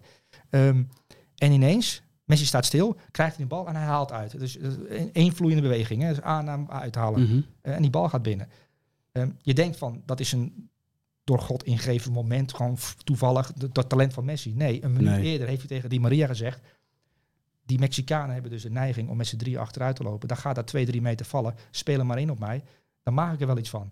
Als je dat op die manier gaat bekijken, denk je, ja, wauw, dat is dan, het maakt het doelpunt nog mooier, toch? Ja, absoluut. Ja. Ja, dat is eigenlijk de, de zaken die je niet altijd meekrijgt. En op het moment dat dat gedeeld wordt, dan is het inderdaad leuk om dat te beoordelen. Ja. Ja. Maar zo zie je dat, dat Messi ook iemand is die dus kennelijk in het veld van alles ziet en noteert. En er is geen ruimte tegen Mexico. Want ja, Mexico wil wil 0-0 spelen tegen Argentinië. Dat is voor hun prima. Die wedstrijd is ongelooflijk intens. Het is om de vijf seconden een overtreding. Ja, Dus absoluut. Het ligt, het ligt continu stil. Dat is ook wat, eh, wat Mexico wil. Eh, afbreken, afbreken, afbreken, afbreken. En andersom ook afbreken, afbreken, afbreken. Dat is typisch een Zuid-Amerikaanse eh, wedstrijd. Ehm, en dan loopt er eentje in te denken. En die ziet dat moment. En die, ja, het is toch mooi dat Angelo de Maria na afloop ehm, dat vertelt. En ook met de glinstering in zijn ogen van... ja, maar jullie weten half niet hoe goed die gozer is. Jullie snappen dat gewoon niet. Dit is, dit is gewoon zo bizar. Dat Ja. je zo'n gozer een minuut eh, eerder eh, mij vertelt van... speel hem nou maar in daar, want er komt ruimte. Ik heb, ik heb het idee dat daar ruimte ligt. Dat, daar ligt een kans. Zou ik sowieso wel willen horen dat je aan het einde van zijn loopbaan, dat je eigenlijk eh, zoveel mogelijk spelers die vertellen over zijn moment op de training, wedstrijden, noem het allemaal op, om een beeld te krijgen van hoe goed hij eigenlijk is. Nou, maar je kan hier best wel veel van leren. Hè? Want ook in andere wedstrijden liggen er, bijvoorbeeld, stel je voor eh, eh, Ecuador-Nederland, liggen daar kansen voor spelers. Ja. Alleen, ja, dat wordt niet gezien. Dat moet na afloop verteld worden door Martin de Roon. Ik heb eh, eh, op de website van VI een, leuk interview gezien met eh, Pieter Zwart, die als presentator, en Simon Zwartkes vanuit Doha. Goeie presentator, hè, Pieter? Ja, maar, nou, ik heb hem geappt van, jij bent een verborgen talent, schuilt in jou een meestelijke presentator. Dat vond ik Weet je leuk. wat je daarmee... je hebt een monster gecreëerd daarmee. Ja, nou, maar hij is een meestelijke Hij appt het naar iedereen. Hij loopt over de redactie echt zwevend. Ja. Maar wel terecht. Hij deed Ja. hartstikke goed. Nou, maar dit interview van 14 minuten vond ik zo interessant, omdat kennelijk Martin de Roon. Ehm, en ik heb een keer met Martin de Roon een halve dag opgetrokken. Toen had ik al door van, hey, die, die Leuk interview trouwens. Nou, maar die jongen, is, die, jongen is die jongen ziet veel. Ja. Je, ik zat in de taxi met hem en Ruben die eh, was er zelf, dus die was druk. Ehm, Ja. En eh, die luisterde half, want die was onder de indruk van alle koffietentjes en de mooie vrouwen. En eh, ondertussen luisterde ik naar Martin de Roon en zijn verhaal. En ik vroeg gewoon, en ik vroeg naar een detail uit de wedstrijd tegen Dynamo Zagreb. Zo gek ben ik dan, weet je wel. Ik denk van, we zijn in, in Bergamo, we willen toch wel even weten hoe het zit. Want ze gingen er met 4-0 af tegen Dynamo Zagreb. En hij kon mij in eh, drie minuten haarfijn vertellen waar het mis was gegaan bij eh, Atalanta. Ik denk, oh, interessant, gewoon grappig dat, je dat zo op die manier kan ontleden. Dat, oh, dat is, eh, dus die, die kijkt echt met een Maar trainerspet. gaat, Betonen hij- wordt hij een trainer? 100%. 100%. En een toptrainer ook?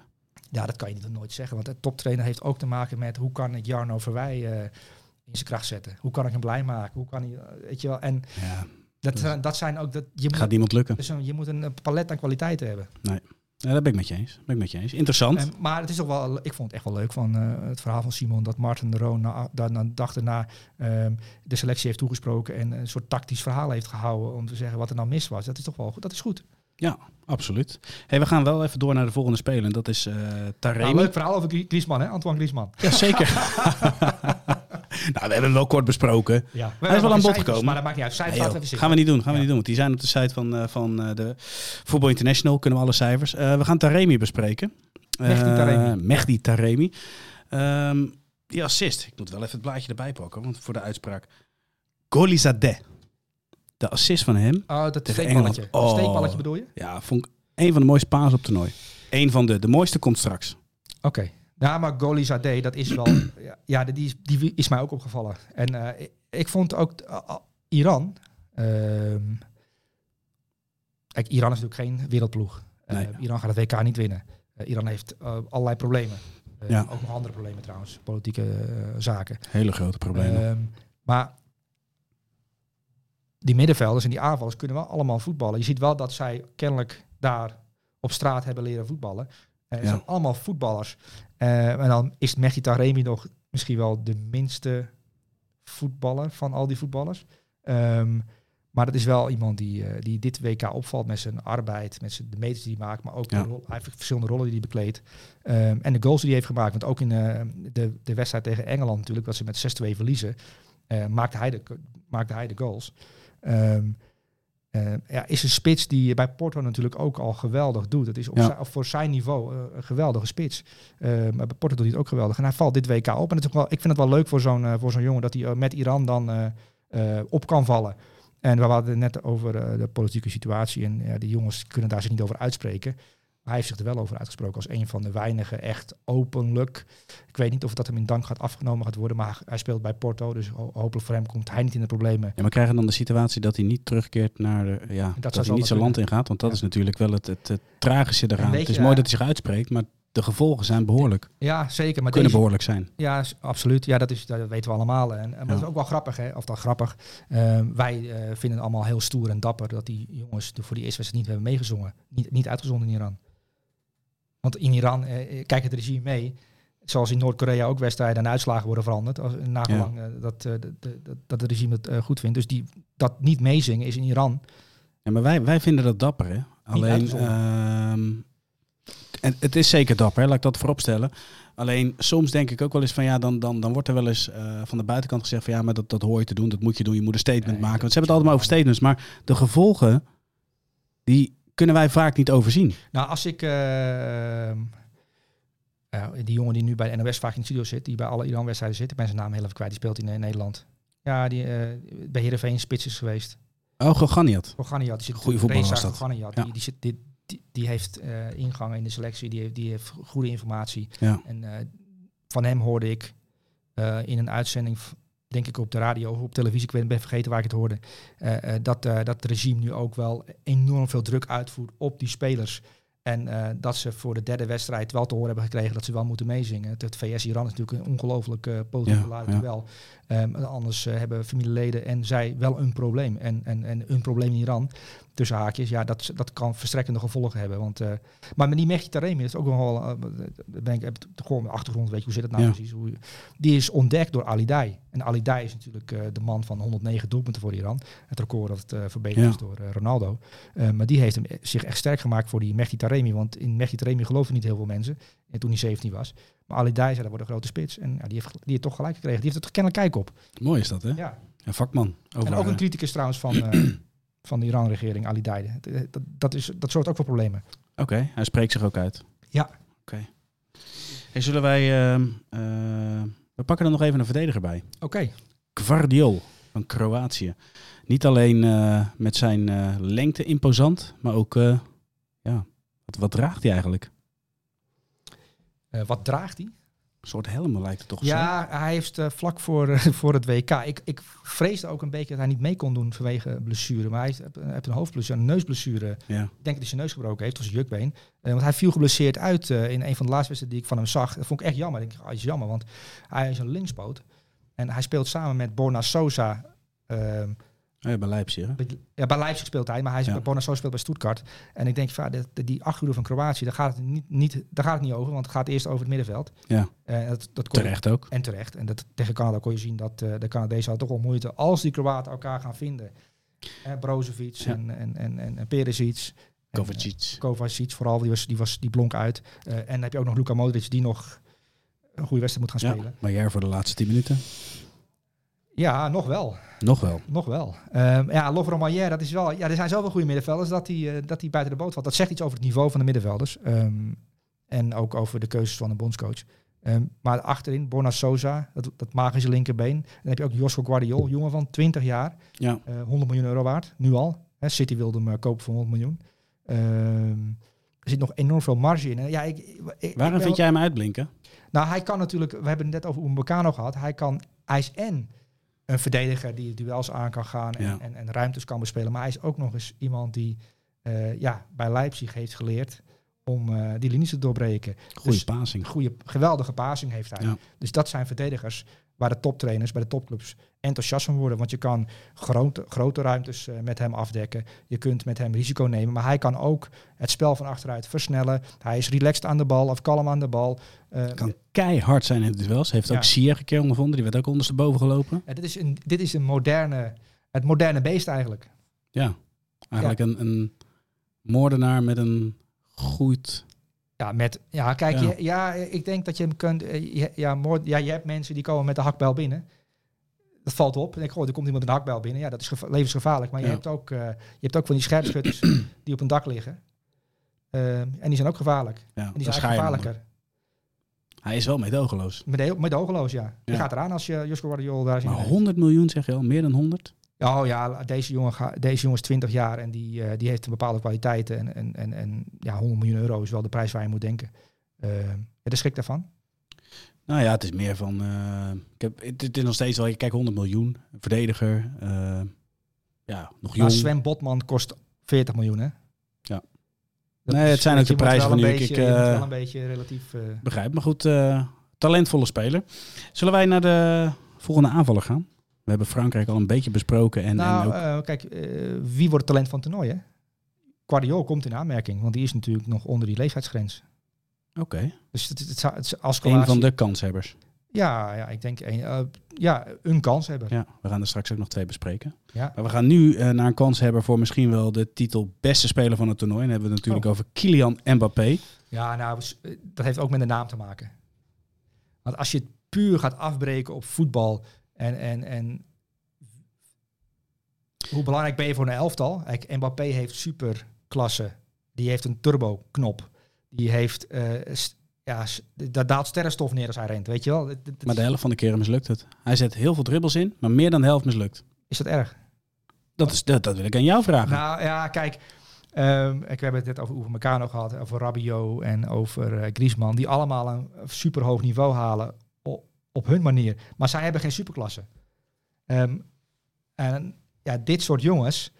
Um, kijk, Mbappé kan 60 minuten lang uh, tegen, tegen een back aanlopen die, die ook snel is en, en, en dat hij net verkeerde actie inzet. Mm -hmm. uh, maar je ziet als hij aan de bal komt, de paniek uh, bij Australië, bij Denemarken. Van oh ja. jeetje, de, de back van Denemarken ook. Ja, gewoon, gewoon, het is gewoon totale paniek. Er komt daar een straaljager op je af. Um, 9 van de 10 keer neemt de straaljager de verkeerde afslag. Uh, maar hij hoeft ook maar twee keer de juiste afslag te hebben. Want de marges in het topvoetbal zijn zodanig dat... Ja, en hij laat het ook al jaren zien. Hè. En ja, ik vind die discussie of hij nu de beste voetballer ter wereld is... want het wordt elke, elke uitzending zie ik dat bij de... Nee, maar die, die discussie wil ik niet voeren. Maar is hij op dit moment de beste speler van het toernooi? Is hij op dit moment de beste speler van een toernooi? Um, ja, dat vind ik ingewikkeld, want uh, Mbappé is een aanvaller. En aanvallers hebben het altijd makkelijk, want die mogen fouten maken. Casemiro maakt geen fouten. Wat uh, zegt je gevoel? Want nu ga je alles weer onderbouwen, ga je alles weer plat en ga je, ga je het ja, vergelijken met. Kies Wat zegt je, voor, je gevoel? Je kiest altijd voor de superster, voor, voor de man met de superklasse. Want daar kijk je uiteindelijk uh, naar zo'n toernooi voor. Omdat jij spelers wil zien die, die boven het gemiddelde uitstijgen. En Mbappé is een bovengemiddeld talent. Dat laat ja. natuurlijk bij Paris Saint-Germain al jaren zien. En dan komt er zo'n toernooi. En dan staat hij er. Dat vind ik wel knap. Dat je er staat. Dat je uh, je ploeg langs Denemarken leidt. Met een doelpunt wat je niet direct bij hem verwacht. Dat is een Jorginho nee. doelpunt. Een kopbal zo bij de tweede paal. Dat je denkt van nou... Klopt. Dat, um, ja. uh, dus ja, ik vind hem nu... Ja, vind ik hem de beste speler van het toernooi. Ik vind dat ongelooflijk uh, lastig om dat te zeggen. Want ja, dan moet je hem gaan vergelijken met een middenveld die nooit scoort. P3. Um, ja, we gaan het hopelijk daar zo nog over, over hebben. Zeker. Um, maar goed, ja, ik heb van Mbappé kan ik enorm genieten van die uitbarstingen van, uh, van snelheid. En, die, zo'n uitbarsting, zo'n zo'n zo'n zo'n omschakelmoment dat je denkt van jee, daar gaat die boef. Ja. Um, en dan maakt, dan maakt Theo Hernandez het nog gevaarlijker, want die, die hebben best nog wel een aardige connectie. Ja, maar Theo Hernandez is natuurlijk gewoon een van de beste linkervleugelverdedigers uh, in, in, de grote vijf competities. Uh, alleen die heeft te maken met een broer, Lucas Hernandez, die het allemaal wat op veilig houdt. Um, en, en dus Deschamps koos voor Lucas Hernandez. En hij speelt eigenlijk alleen maar omdat zijn broer een kruisbandblessure heeft opgelopen. Um, maar met Theo Hernandez is Frankrijk in de aanval verrassender, sneller, directer, gevarieerder. Zeker. Maar ja, omschakeling. er gaat een moment komen in de kwartfinale dat Theo Hernandez ergens had moeten staan volgens een trainer en hij stond er niet. Ja, en wie is er dan? Ja, normaal gesproken Upamecano. Precies, Ja. niks aan de hand. Maar normaal gesproken, maar Upamecano zit ook wel eens er net naast. En dan, eh, ja, dan lig je eruit met 1-0. En dan is het de schuld van Theo. Ik, eh, ik geloof helemaal in Upamecano. Dat wordt eh, zonder enige twijfel de beste verdediger van het toernooi. Ehm, wij gaan nu naar een controlerende middenvelder. En dat is niemand minder dan Amrabat, middenvelder van Marokko. Ehm, ik moet allereerst zeggen, voordat we naar Amrabat gaan... ik ben heel blij om Ziyech weer Ja. mooie dingen te zien doen. Nou, te zien, te zien vechten, te zien strijden. Genieten. Te zien, ehm, hij, ziet, hij zit echt in het toernooi, in het moment. Hij is bij die ploeg. ehm, dat is mooi om te zien. Ik vond ook eh, na zijn assist, de manier waarop hij dat viert. Hij vierde de assist. Ja. Even na die maanden bij Chelsea, bij Chelsea op de bank het gevoel hebben dat je weer voetballer bent. Dat vond ik eerlijk gezegd, eh, leuk dat je het over begint, vond ik ook erg leuk om te zien. Vond ook mooi de manier waarop Zakaria Aboulal eh, Ja. eh, nou, de, de geweldige goal maakte, maar ook daarna. Het interview. Heb je dat interview gezien? ja, ja, mooi interview dat hij, waarin, waarin hij vertelt eh, eh, hoe blij hij was. En echt een, echt een jochie in een eh, WK-snoepwinkel. Weet je wel, die aan het genieten is van, jeetje man, ik sta met Marokko op een WK. Ja, Daar heb ik altijd van gedroomd. En hij maakt nog een goal ook. Wauw. Nou, mooi om te zien. Ja, heel mooi. Ja. Maar goed, Amrabat. ehm, We hebben het over middenvelders. Nou ja, Caicedo, die duels voor is. Hij is ook een, een, een speler die goed een wedstrijd leest. Die goed uit de duels kan spelen. Maar ook juist in de duels kan komen. In zijn passing. Hij kan goed dribbelen, het binden. Wat, wat Frenkie natuurlijk ook het vele dribbelen. Mhm. Daar kun je van zeggen van ja, weet je, je moet sneller spelen. Maar ik vind dat wel een mooie kwaliteit. En dat is misschien wel die laatste kwaliteit. Wordt misschien iets te veel onderbelicht. Eh, gaat door- vaak om het. Door wie? Nou, je hoort daar niet zoveel over. Nou, eh, Antonio Conte is helemaal wild van Sofie Amrabat. Ja? Dus wat jij nu allemaal noemt, opnoemt. Dat is al lang bekend. Dat heeft Antonio Conte gewoon op zijn blaadje al. Ja, maar vraag de gemiddelde op straat en, en wat voor zeggen ze, een goede controleur, Nou, ballenpakker. Ik denk als je de gemiddelde eh, voetballiefhebber op straat vraagt naar Sofie Amrabat, dan weten ze denk ik niet eens op welke plek hij staat. Ehm, nou, wel onze vaste kijkers, want we hebben het natuurlijk, ja, hier gaan we de diepte in. Hè. We hebben het hier over voetbal. Ehm, maar eh, ja, die laat ook het WK. Wat, wat er mooi aan Sofie Amrabat is, ook bij Fiorentina. en hij heeft ook bij Club Brugge gevoetbald, bij Feyenoord gevoetbald. Ehm, maar die haalt, die doet eigenlijk nooit iets geks. Die speelt op een bepaalde plek, in een bepaalde zone en die krijgt een bepaalde opdracht mee. En die opdracht voert hij uit. Hij is gefocust, hij is geconcentreerd. En, en die kwaliteit die je net opnoemde, zonder bal, met bal. Het is weer heerlijk. Dat is een balveroveraar die, die aan de bal niet in paniek is. Als hij een bal veroverd heeft, dan kan hij ook nog eens Ja. bedenken, hey, dat is een betere optie. Weet je, pas hem daar of daarheen. Ehm, ja, dat zijn kwaliteiten. Eh, en het, hij speelt echt een goed WK. En eh, dit WK wordt natuurlijk eh, met, een, met een vergrootglas gevolgd door, eh, door de wereld. Ehm, en het is ook een bevestiging dat hij in zo'n wedstrijd tegen België er gewoon staat. Dat is voor trainers ook.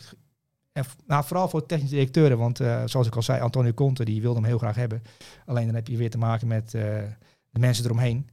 Die er ook allemaal een mening over willen hebben. En die zeggen, nou ja, die Amrabat, nou, we weten niet of dat voor de Premier League wel eh, verstandig is. Ehm, weet je wel. Maar ik denk dat, eh, dat, eh, dat Antonio Conte gillend gek is geworden. En die zijn tv naar zijn technische directeur heeft gesmeten. Zie je nou wel. We hadden hem al lang kunnen hebben. Nu is het veel te duur. Ja. Zullen die trainers ook zo inderdaad naar een, een WK? Want ze hebben nu even vakantie. Dus toch, ze hoeven ook geen. Normaal gesproken ben je in de periode van een WK ben je met je selectie bezig, met je voorbereiding bezig. En dan, en dan gaat het langzaamaan een beetje lopen. Jij denkt dat Antonio Conte op het strand ligt met zijn vrouw en geen WK-wedstrijden kijkt? Nee, dat zeg ik niet. Ik denk dat hij wel op het strand ligt, maar dat hij op zijn eh, telefoontje dat hij, eh, mee Oh, zit te kijken. Nee hoor. Nee? Nee, nee, nee. Ik denk niet dat Antonio Conte... Ik, ik daag de kijkers uit om, eh, om Antonio Conte een foto te vinden dat hij eh, tijdens het WK op het strand ligt. Dat kan ik me niet eh, indenken. Nee, die echte toptrainers, die hebben al die... eh, van Guardiola, weet je wel, die kijkt naar België, want die wil Kevin de Bruyne zien. En die hebben gewoon contact met elkaar. Ja. Ehm, over hoe slecht die ploeg wel niet is. Eh, De Kev- de- Maar hoe- moet ik dat de zien humeur dan? van Kevin de Bruyne vandaan komt? Wat zeg je? Waar denk je dat het humeur van Kevin de Bruyne vandaan komt? Ja, nee. die dat krijgt elke keer die appjes van Guardiola van jeetje, wat, in wat voor slechte ploeg speel jij joh? Dus eigenlijk is Guardiola de reden dat België niet Qua de rijdt. genius van, eh, van, eh, van, Ja? van, het, van het falen van België. Nee, maar er is wel wat aan de hand hebben Want je weet dat er 81 spelers zijn die meer basis, meer aan de bal zijn dan de Bruinen. Dat kan toch niet? Schandalig. dat kan niet. Hier kwam eh, Jos Boesveld in eh, ZSM trouwens mee. Want jij gaf laatst aan van Jos, ZSM zitten echt altijd verborgen pareltjes. Ja. Maar dit is een van, een, een van die pareltjes. Dus er zijn dit WK 81 voetballers Die meer aan de bal zijn dan, dan Kevin, Kevin, de de, Bruyne. Dus Kevin de Bruyne is de klusjesman van, eh, van de Emir of zo, daar. Wat doet hij daar? Yo, ik heb geen idee. Maar heeft het niet te maken met, eh hoe heet het, met Hazard die iets te veel... eh, ja, naar zich toe trekt. Nee, het heeft te maken met het feit dat, dat Roberto Martinez een, een, een manager is, een trainer is, die niet aanvoelt wat er dus leeft in die kleedkamer. Dat eh, er spanningen zijn tussen Trossard en Hazard. Ehm, dat Jan Vertongen en Kevin de Bruyne elkaar niet kunnen lucht zien. Omdat eh, de Bruyne in een interview heeft gezegd dat, eh, dat België te oud is. En dat bedoelt hij die achterhoede. Ja, die kunnen niet meer lopen. Moeten we daarmee? Toch een punt. brandhout. Nou ja, het is niet. Stel je voor dat ik hier de waarheid ga zeggen over collega's. Is niet, is niet heel, heel handig. Ehm, als we elkaar continu maar de waarheid gaan vertellen. Dat is op zich wel handig dat je dat gewoon doet face-to-face. En niet, stel je voor dat ik dat ga vertellen in een krant.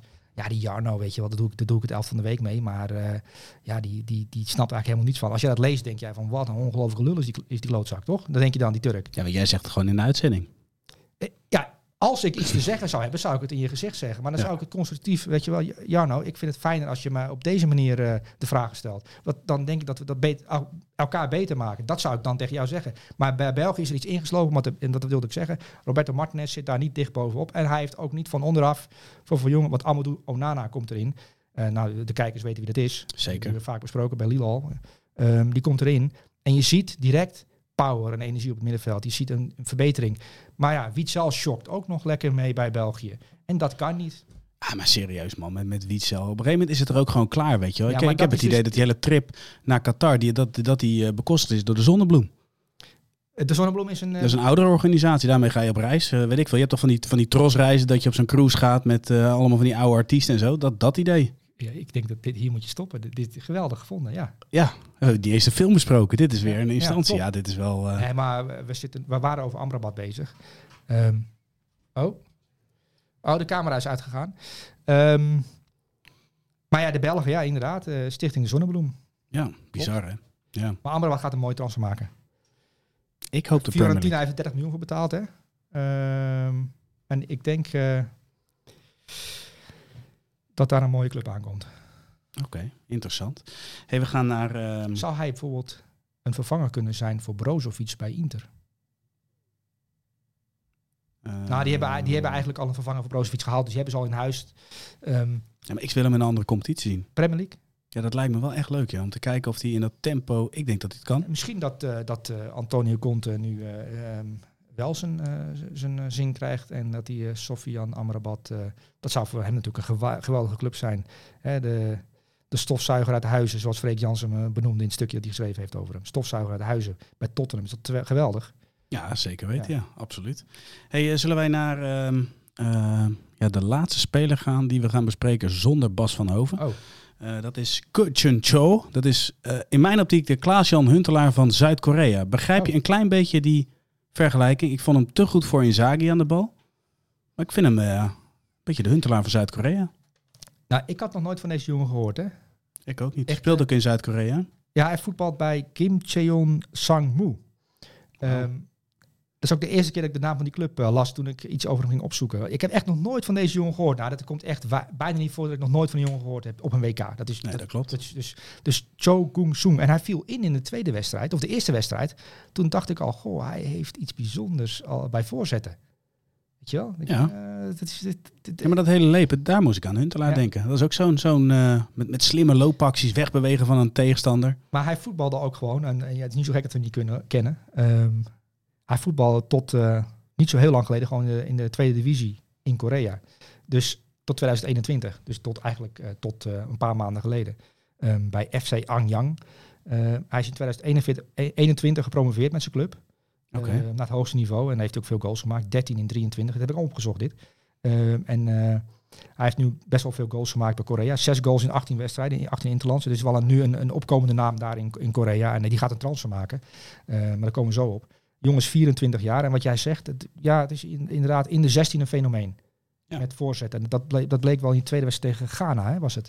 Ehm, en dan ga je opzoeken van wie is die jongen en eh, hoe, hoe populair is hij in Zuid-Korea. En toen las ik tot mijn eh, schrik, of dat, ik, die jongen had 20.000 eh, volgers op Instagram. Totale onbekende jongen ook. Weet je wel, dus geen grote jongen nog. Maar eh, op het WK, Die heb jij toch ook, toch? Zoiets? ja, dat is ongeveer mijn niveau Ja. op, op Instagram. Nou, dat is heel wat. Ja, maar in Korea... eh, Oh ja, dat is waar. het- maar, maar hij heeft het niet met 20.000. Want hij heeft natuurlijk eh, tijdens het WK heeft iets laten zien. Hij heeft eh, tegen Ghana eh, iets geweldigs laten zien. En ook in die invalbeurten die kreeg je in de eerste wedstrijd. Hij heeft, zit nu op eh, anderhalf miljoen volgers. Dus hij is in, in een week tijd een wereldberoemde speler geworden. Ehm, en zijn zaakwaarnemer is een uh, oud speler van PSV, geloof ik. Jong Pili. Die, die bij PSV voetbalt, Jong Pili. Ja, die linksback is dat toch? Ja, die, dat geloof ik is een zaakwaarnemer. En die uh, vertelde in de Koreaanse media. Ik ben in de Koreaanse media gedoken. Ja. Kun je tegenwoordig heel makkelijk allemaal met Google Translate. En dan, dan, Volgens mij is dat die rechtsbenige linksback die onder Hidding speelde. Zou heel goed kunnen. Ja, nou, ik denk, ja dat zou je wel eens gelijk kunnen hebben. Nou, die, uh, daar las ik een uh, stukje mee in een Koreaanse krant. Die vertelde dat hij al was benaderd door een, door een Europese club voor deze spits. dat was voor de tweede wedstrijd nog dat hij dat vertelde. Oh nee, hij vertelde, ik ben voor de eerste wedstrijd al benaderd. Uh, na de eerste wedstrijd ben ik benaderd. En uh, ja. dat zal nu, na de tweede wedstrijd, nog veel meer gaan worden. Dus deze jongen gaat bij een Europese club uh, belanden. Op basis van ja, wat hij tijdens dit WK heeft laten zien. En ook natuurlijk in Korea. vertelde de Jong dat hij, dat hij al een aantal scouts en technisch directeur online heeft gehad. Op zoek naar beelden.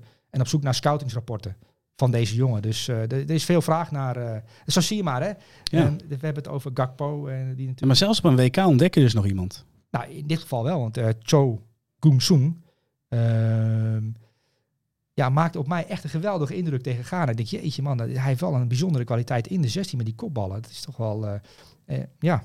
Ja, helemaal mee eens. En ook, een, en, en ook wel weer leuk dat dit, uh, dat dit toch op deze manier ja. weer kan. Hey, we gaan naar uh, ja, de laatste plek in het elftal. Dat is een plek die, die, uh, ja, die, die moet verdiend worden. En daar gaan we even inbellen met niemand minder dan, dan Bas.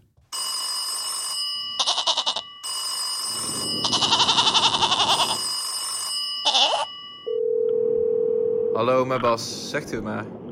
Bas, goedemiddag. Hey mannen, goedemiddag. Hallo jongen. Ja, zeker. Je zit in de auto of niet?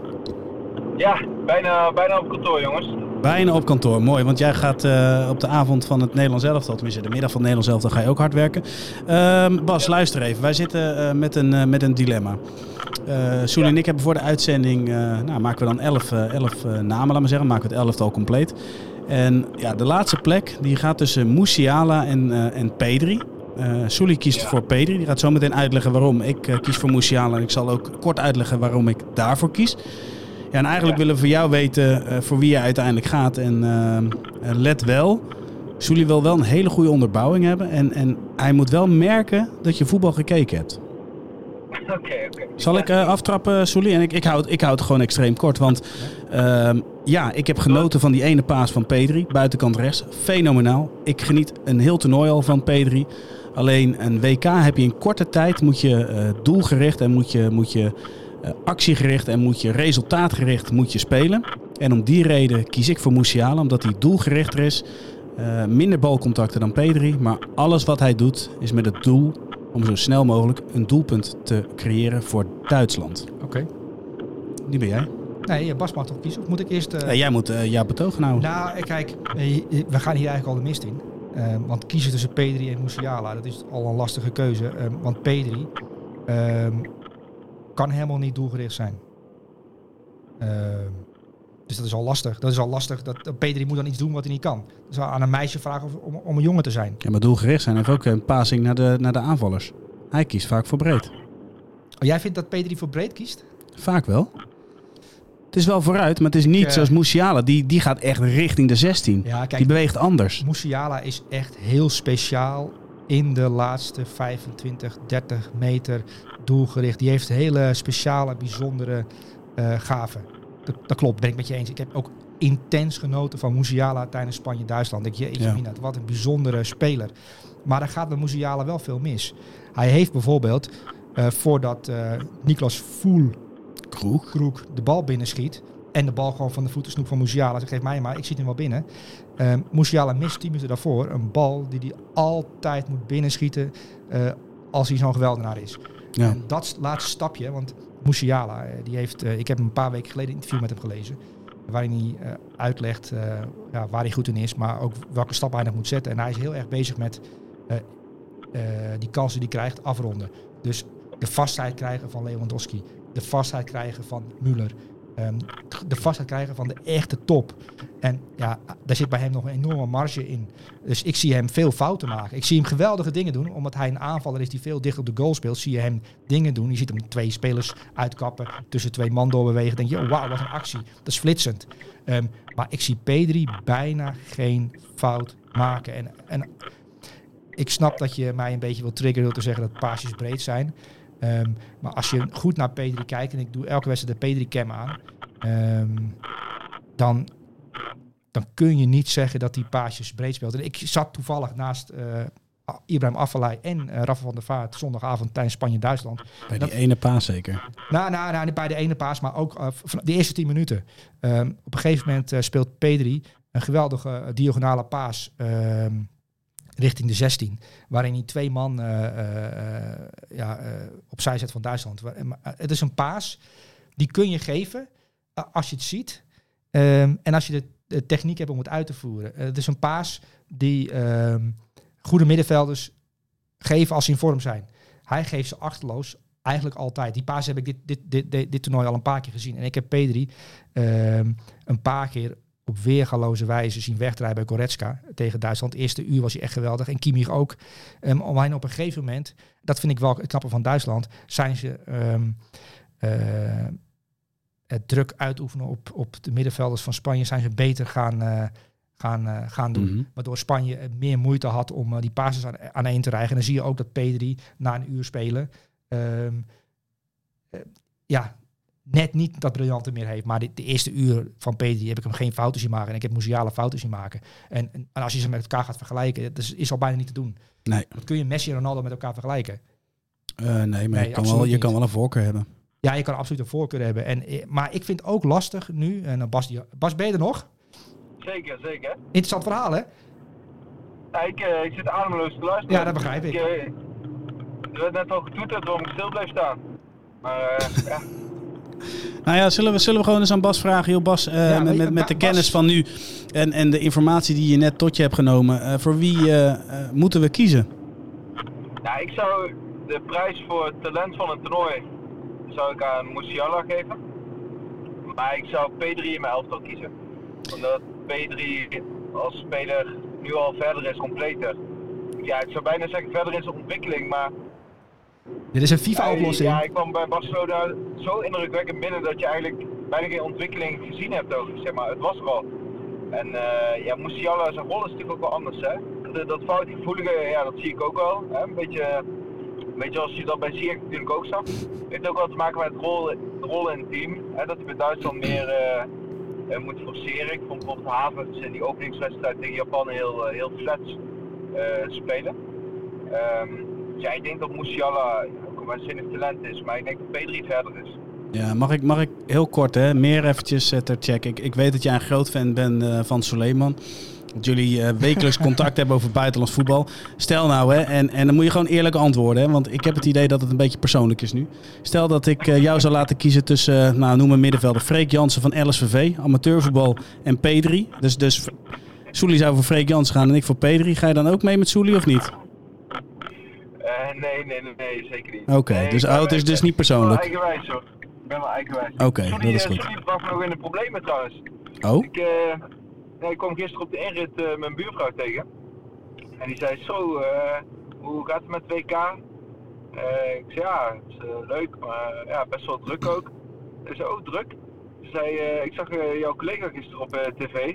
En die zei eigenlijk dat het allemaal wel meeviel, omdat hij nu maar vier wedstrijden per dag kon kijken. Ja.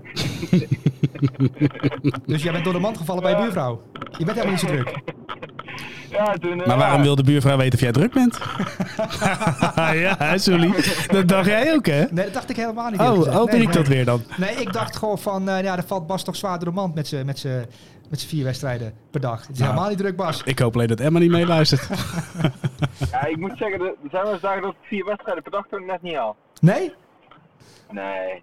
Van de Vaart zei tegen Sully trouwens dat hij te veel voetbal kijkt. Ja, Alsof het schadelijk voor je gezondheid ik, is of zo. Sorry, ja? ik, uh, ik, ik vroeg me nog af. Uh, dat voorlezen van, uh, van een stukje uit je column. Was ja? dat, kwam dat ook als een verrassing voor je? Of, ja, totaal. En, en voor Van der Vaart ook. Dus dat was wel lekker, toch? Nou, leg even kort uit, Sully, wat, eh, wat dat... ik, wat eh, ik dacht, eh, hij ging dat voorlezen. Ik dacht, oh, eh, grappig. Dat, Maar dat is een stukje uit de column waarin jij... eh, ehm, het, ja, het ging over het analyseren van der Vaart, over Maguire. Daarvan had jij gezegd van dat het te makkelijk is... en dat je meer beelden van Maguire moet eh, ehm, zien, laat maar zeggen... om daarop te kunnen reageren, Ja. toch? Dat, dat was een beetje de strekking. Ja, en ik had het wat hard opgeschreven en eh, in een paar vloeiende eh, volzinnen. Ik moet zeggen, het- toen hij dat voorlas, dacht ik, goh, wat een goede column. Maar dat bleek dus mijn teksten zijn. Dat, dat- dus ik zat aan tafel en dacht, goh, dat is wel een goede columnist. Dat dacht ik letterlijk, hè. Dus eh, Ja. een, beetje, een beetje eh, vreemd dat je dat dan denkt. Maar, Ja. en eh, Van der Vaart, die, eh, die, eh, die ging erop in. Ja, ik vond, ik vond het wel leuke televisie. Jij niet, Bas? Ja, zeker, zeker. Ik dacht, het is ook wel typisch televisie eigenlijk. Ja, dit is, dit is Dat je dan televisie. eh, even graven in die columns en dan eh, dit stukje natuurlijk. Dit is, de, dit is de, e- denk ik de enige reden dat ik er zat. Oh, omdat ze de, eh, ik denk dat ze wilden dat, eh, dat Van der Vaart eh, de tafel opgekropen was om mij uit mijn stoel te trekken. Dat was natuurlijk hilarisch geweest. Alleen, ik kan je zeggen, Van der Vaart, echt geweldige gozer. Ehm, en ehm, op televisie, ik moest in 30 seconden drie spelers of, of een minuut drie spelers behandelen. En als je met Van der Vaart voetbal zit te kijken, ook over Musiala, de, de- over, op detailniveau over Musiala praten.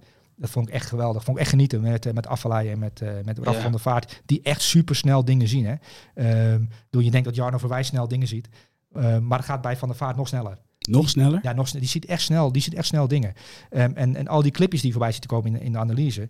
Ik dacht altijd, dat doen die jongens die daar achter de schermen... Weet je dat ik daar blij van, dat je dat gezegd hebt, daar word ik wel blij van. maken ze allemaal zelf. Sterker nog, eh, Van der Vaart gaat achter zo'n jongen staan en die zegt, hier, hier snij je, want dat is een beter moment. Als je haal je dat er maar af en je moet ook het moment ervoor nog even laten zien, dan zie je hoe goed het vrijlopen is. Is op detailniveau, eh, maar dat zie je dan niet in de uitzending, omdat ze daar geen tijd voor hebben. Maar hij eh, op detailniveau echt fascinerend goed hoor.